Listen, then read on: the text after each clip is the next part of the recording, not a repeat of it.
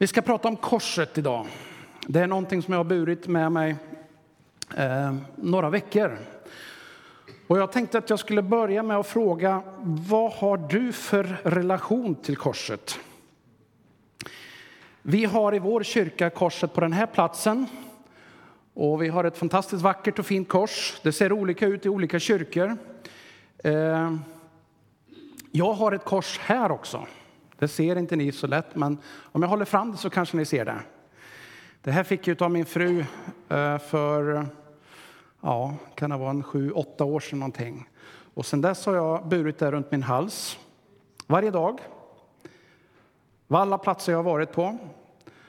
Ibland så syns det inte så väl därför att det är under skjortan och ibland så syns det väldigt väl. Jag har mött människor som har kommenterat det, jag har mött människor som har tittat på det och en del har blivit provocerade också. Jag kommer ihåg vid ett tillfälle när jag var eh, i en väldigt muslimsk miljö eh, och jag badade i havet. Och så var det några unga killar som jag pratade med i samband med att vi badade där nere. Jag hade bara badbyxor på mig, så korset syntes väldigt väl, solen sken. Och de blev rejält provocerade av det där korset därför att de hade en annan tro. Korset lämnar ingen liksom oberörd. Och jag hoppas att inte du kommer vara oberörd av korset efter den här gudstjänsten. Inte i första hand det här korset som är här.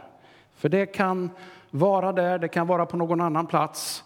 Men jag tänker att korset som liksom är nära hjärtat är kanske det som är absolut viktigast. Den här bilden den tog eh, min dotter på mig när vi var i Kroatien i somras. Och där skiner solen lite extra så att det där korset syns. Den här publicerade jag i någonting som heter Mitt kors. Hur många vet vad Mitt kors är för någonting på Facebook? Ja, det är några stycken. Det är ganska många tror jag av er som är med också. Det var en grupp som startades egentligen till stöd för alla de människorna runt på vår jord som lider förföljelse. Därför att de är kristna, därför att de följer Jesus, därför att de följer korsets väg.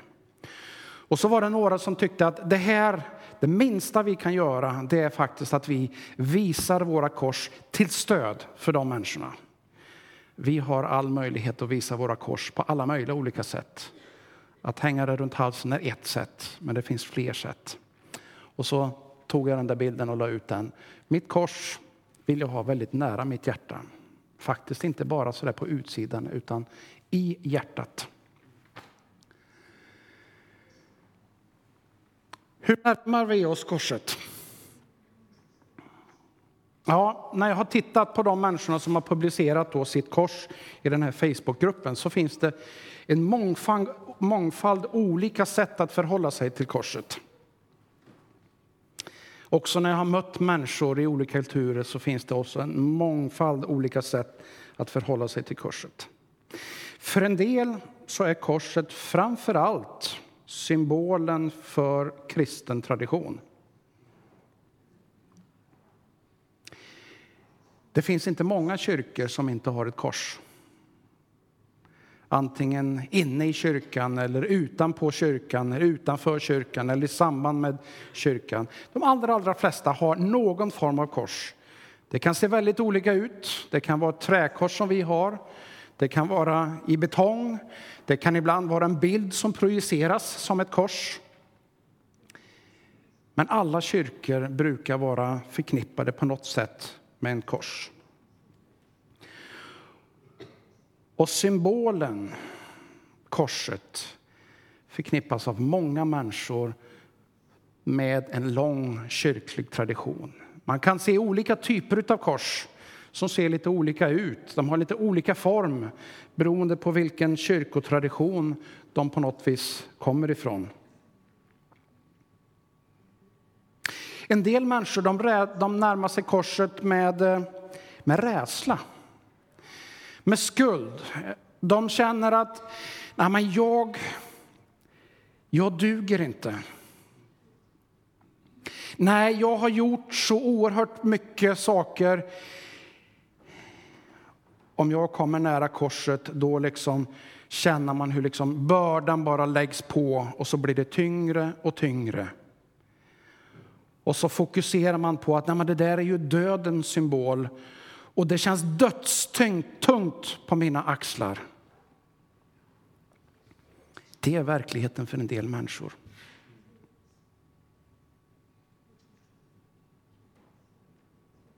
Ett tecken för dom och död. Jag har mött många människor som liksom när de ser korset, då är det pekpinnen som de ser. Du får inte, du skall inte. Dom, tillrättavisning. Så finns det andra människor som ser korset och så ser de en symbol för hopp och för räddning. Det är ingen tvekan om att korset är ett mysterium. Korset är ett mysterium. Alltså livets Herre, livets Herre, Gud själv väljer att sända sin son att dö på ett kors. En oerhört förnedrande död. Det är märkligt. Det är svårt att riktigt ta in vad innebär det här. Och ändå så är det många som ser och uppfattar att det här är en symbol för hopp och en symbol för räddning.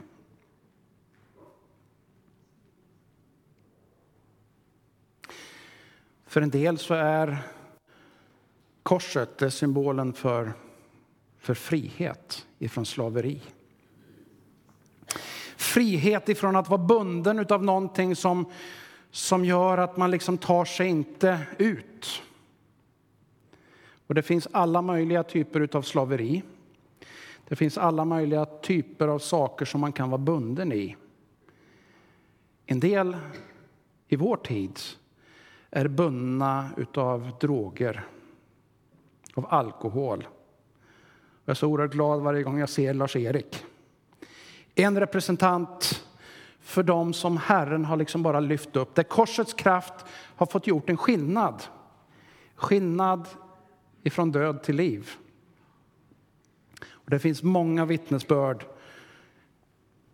i vårt land, också i vår stad och ut över jorden där faktiskt korsets kraft har varit en förvandlande kraft ifrån mörker, ifrån att vara bunden till att faktiskt bli befriad.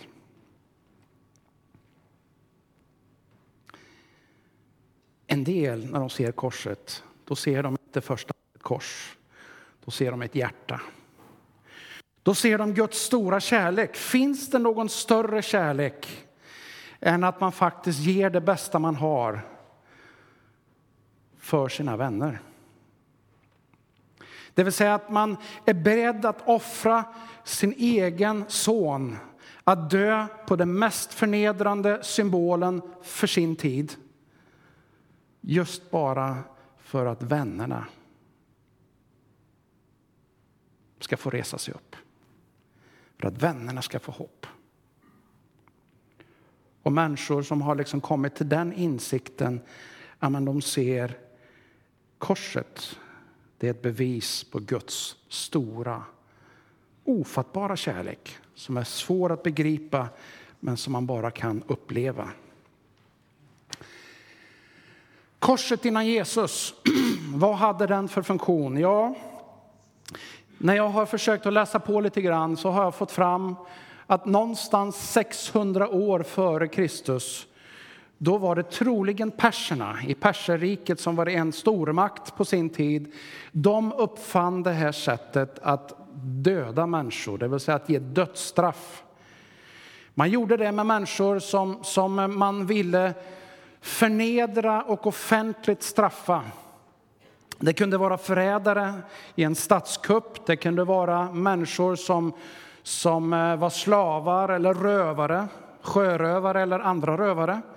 Det vill säga att människor som inte ansågs värda ett liv och som absolut skulle straffas och offentligt så skulle de få lida för det som de hade varit med och gjort. Eller ibland för den de var. Det är bakgrunden. Romarna de använde inte den här för fullvärdiga medborgare utan det var bara till samhällets lägsta Eh, medborgare, det vill säga slavarna, de ofria och de som hade förbrukat sig något fruktansvärt mot den romerska makten. Det var de som dödades på ett kors. Och det var en oerhört pinsam, eh, plågsam och pinsam eh, process att hänga på korset. Upphängd på ett kors så säger experterna att det som händer är att det är en långsamt utdragen död där man kvävs därför att lungorna kollapsar. Många, många timmar. Det är liksom inte bara så där, utan många, många timmar till publikt, till allmänt åtlöje, till förnedring. Det är korset innan Jesus. Och jag är så oerhört fascinerad därför att Gud, han väljer, verkar det som, gång efter annan att ta liksom det sämsta och så gör han om det till något fantastiskt mirakulöst. Gång efter gång så är det som att det mest eländiga som finns, som ingen vill ha, i alla fall ingen med ett hjärta, ja, men det kan Gud göra någonting av. Korset är kanske den absolut största, största liksom markören genom tidshistorien. Så stor att de flesta av oss på jorden faktiskt har det som tideräkning. Eh, när Jesus föddes och när Jesus dog på korset. Liksom, den tidsperioden den markerar ett före och ett efter som har gjort kanske det största, eller inte kanske, utan det största avtrycket i historien någonsin. Jesuskorset, ja, det är lite annorlunda än det där korset före Jesus. Därför att på korset så fullbordar Jesus det som liksom han hade fått som uppdrag, som Guds son, att komma och bli människa, att älska, att visa vägen till Gud. Ingen kommer till Fadern utom genom mig, säger Jesus. Det är bara genom Jesus. Och det handlar inte om att kunna prestera en massa olika saker. Men det handlar om att vara beredd att liksom lyfta sin blick mot korsets kraft. Den kraften som Jesus har visat, som har gjorts möjlig genom det faktiskt Jesus gjorde på korset.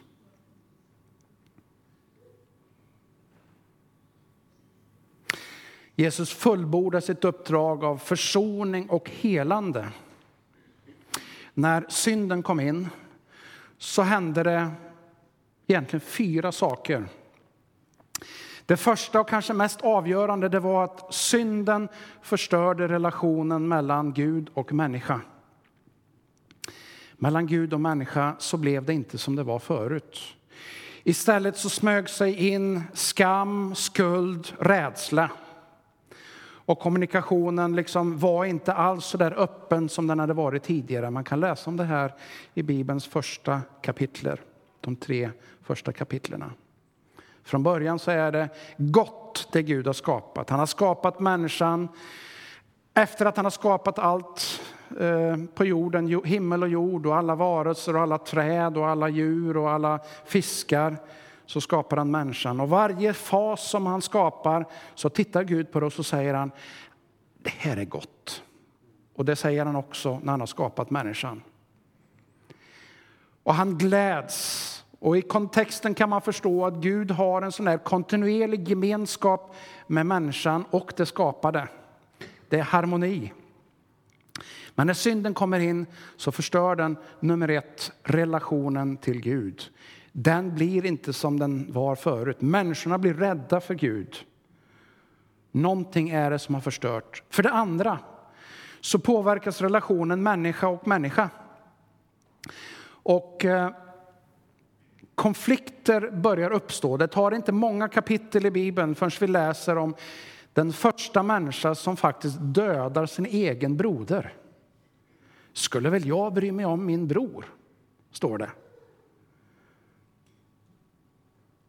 Konsekvensen utav synden som kommer in.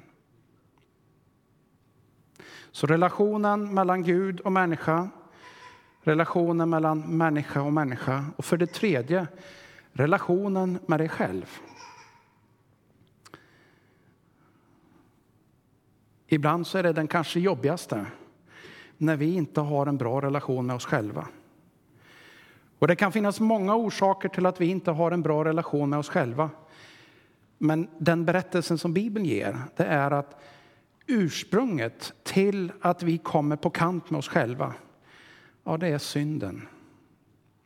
Det behöver inte innebära att du själv har aktivt syndat för att du har kommit på det kant. Du kan ha varit utsatt för någonting som gör att du är inte tillfreds med dig själv. Kanske växte du upp i ett sammanhang där du aldrig fick höra att du är älskad. Kanske växte du upp i ett sammanhang där du bara fick höra andra saker. Och så har din, ditt inre tagit skada av det där. Och så har du svårt att tro på dig själv, svårt att känna dig tillfreds med dig själv, svårt att faktiskt älska dig själv. Det var det tredje området som faktiskt synden förstörde. Det fjärde området som synden förstörde det var relationen mellan människan, det vill säga alltings krona och det skapade, mänskligheten, naturen, jorden som Gud hade skapat. Den blev också förstörd. Den haltar. Den haltar. Och vi lever fortfarande med konsekvenserna utav de här fyra områdena där synden har gått in och förstört. Men Jesu kärlek är större. Jesus kärlek är större. Guds kärlek är större. Så han sänder Jesus. Och när Jesus kommer och när han fullbordar sitt verk genom att dö på korset och sen uppstå igen, vad händer då? Jo, då fullbordar han sitt uppdrag av försoning och helande. Det vill säga, där börjar helande processen utav relationen mellan Gud och människa. Där börjar helande processen mellan människa och människa. Där börjar helande processen människa med sig själv, men också människa med det skapade.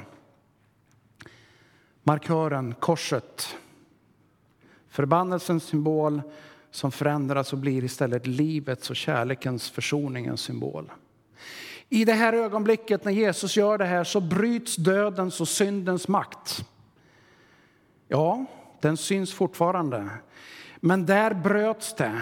Och vi är i en fas, vi är i en process där den håller på att brytas och den kommer att vara fullständigt bruten en dag när vi står inför den stora tronen, när vi står inför vår Herre.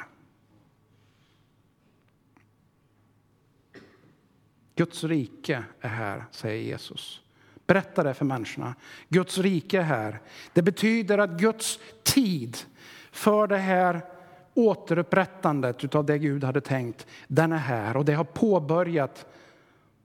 För dig som har tagit emot Jesus i ditt hjärta, korsets kraft i ditt hjärta, så har den processen börjat och den fortgår, hoppas jag.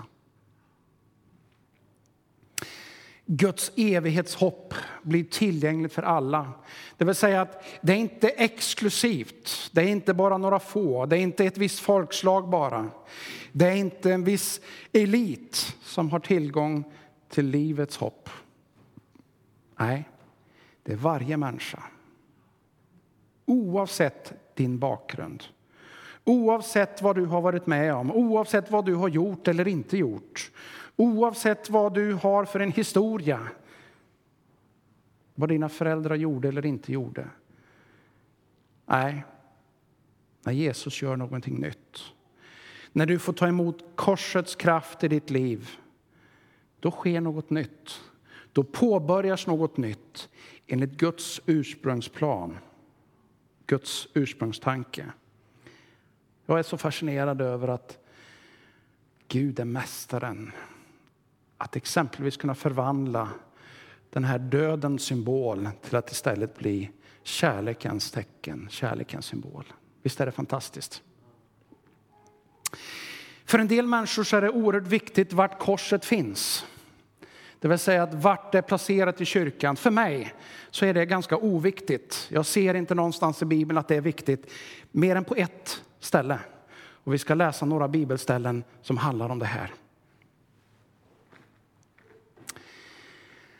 Talet om korset är en dårskap för dem som går förlorade. Men för oss som räddas så är det en Guds kraft.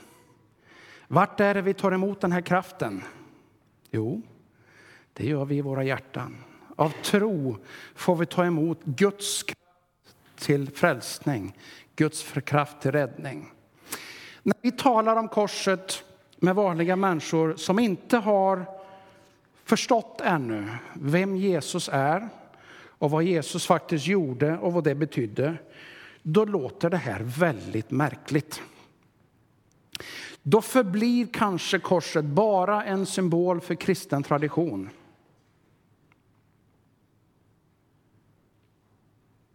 Men den som har fått uppleva Guds kraft till frälsning, då blir det något helt annat. Då må det låta konstigt, men det blir liksom något befriande. När jag, när jag samtalar med människor, vilket är här i Karlstad eller jag gör det någon annanstans på jorden, människor som har fått uppleva korsets kraft i sina hjärtan, ja, men då är det något helt annat. Då är det glädje, då är det hopp. Då är det inte någonting som är knepigt och konstigt. Ja, jag kanske inte förstår allt, men i tro så väljer jag att ta emot det här och så blir det en kraft att resa sig upp, en kraft att börja ett nytt liv. En dårskap för dem som går förlorade, men för oss som räddas så är det en Guds kraft som vi tar emot i våra hjärtan. Låt oss ha blicken fäst vid Jesus, trons upphovsman och fullkomnare. För att vinna den glädje som väntade honom uthärdade han korset utan att bry sig om skammen och så nu sitter han till höger om Guds tron. Det vill säga att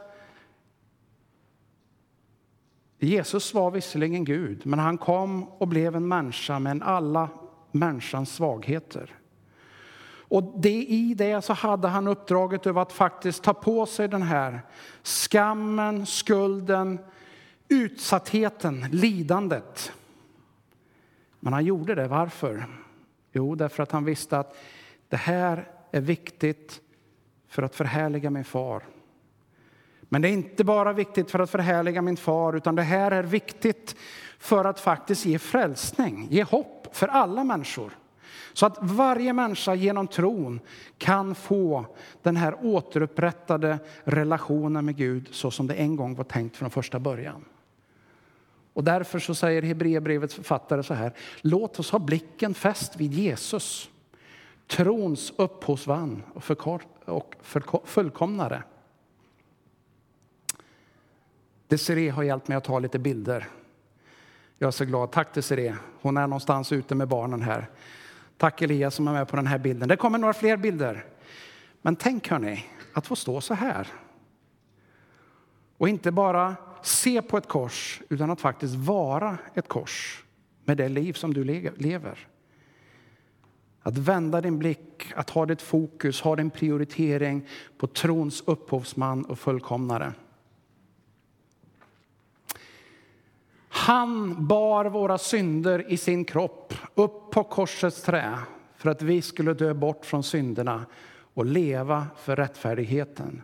Genom hans sår är ni helade.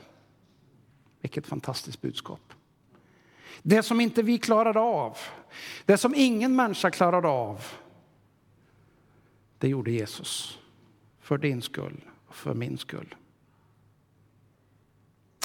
Och därför så får vi ta emot korsets kraft till helande. Helande av alla möjliga olika slag. Helande på de här fyra områdena som jag har nämnt. Men helande också på andra områden. Vad det nu än kan vara för någonting. När du tar emot korsets kraft i ditt hjärta så innebär det att du ger utrymme för Gud faktiskt att påbörja en helande process som ibland går väldigt snabbt och som ibland tar lite längre tid.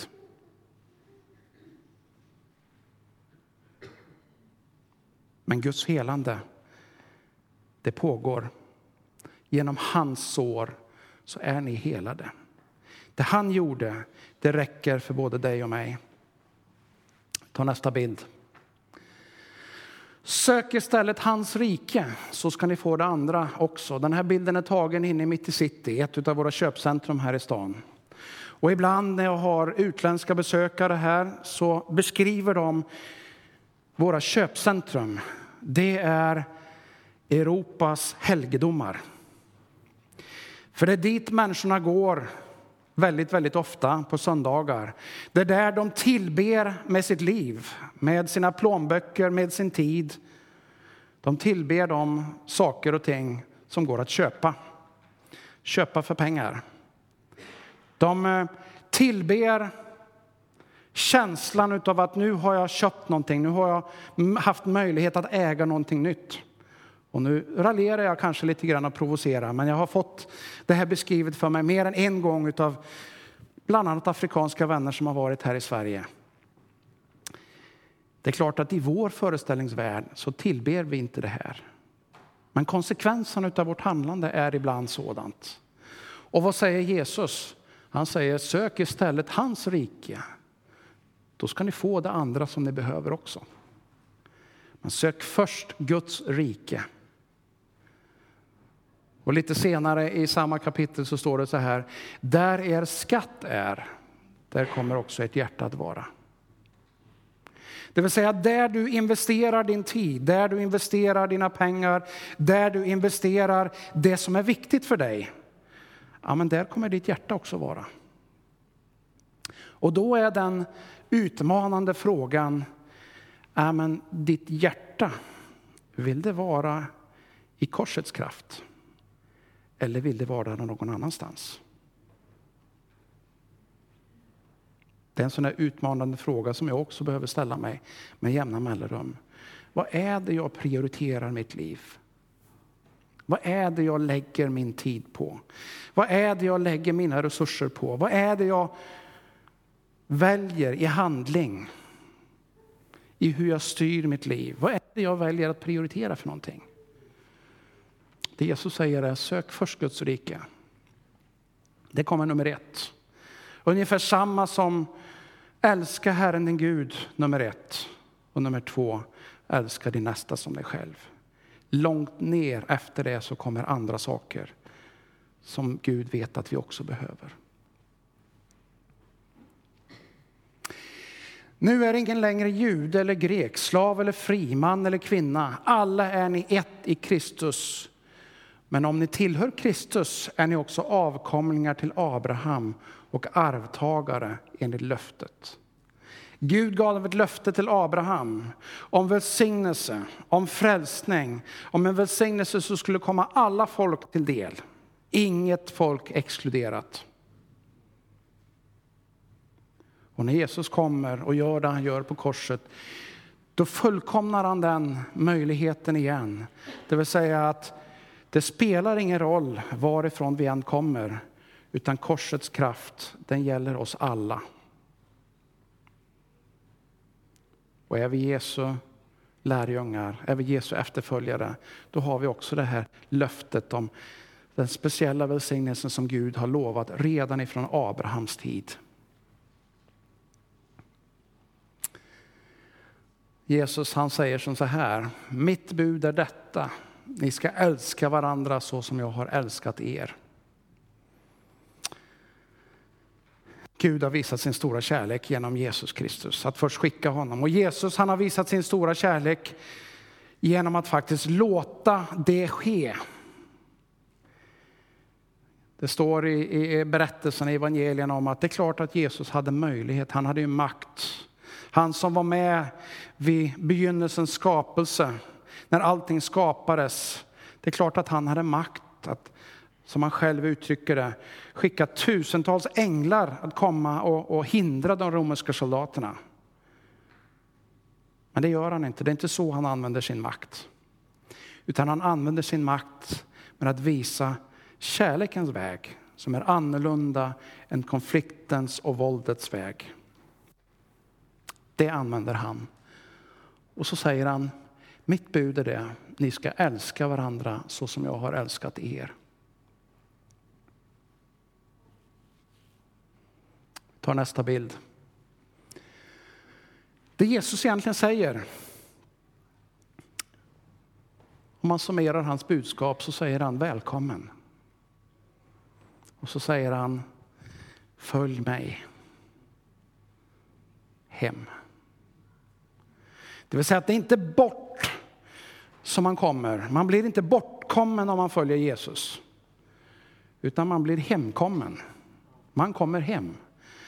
Därför att varje människa är skapad till just Guds avbild och med en förmåga att känna igen Guds röst och med ett behov av gemenskap både med Gud själv och med andra människor. Jag vet inte om någon av er har sett den här filmen, The Swedish Theory of Love. Är det någon som har sett den filmen? Nej, det var ingen här. Det är i alla fall en film, om ni vill få en deprimerande bild av vad Sverige har lyckats med på 40 år, då kan ni titta på den här, The, Theory, The Swedish Theory of Love. Den finns på SVT Play.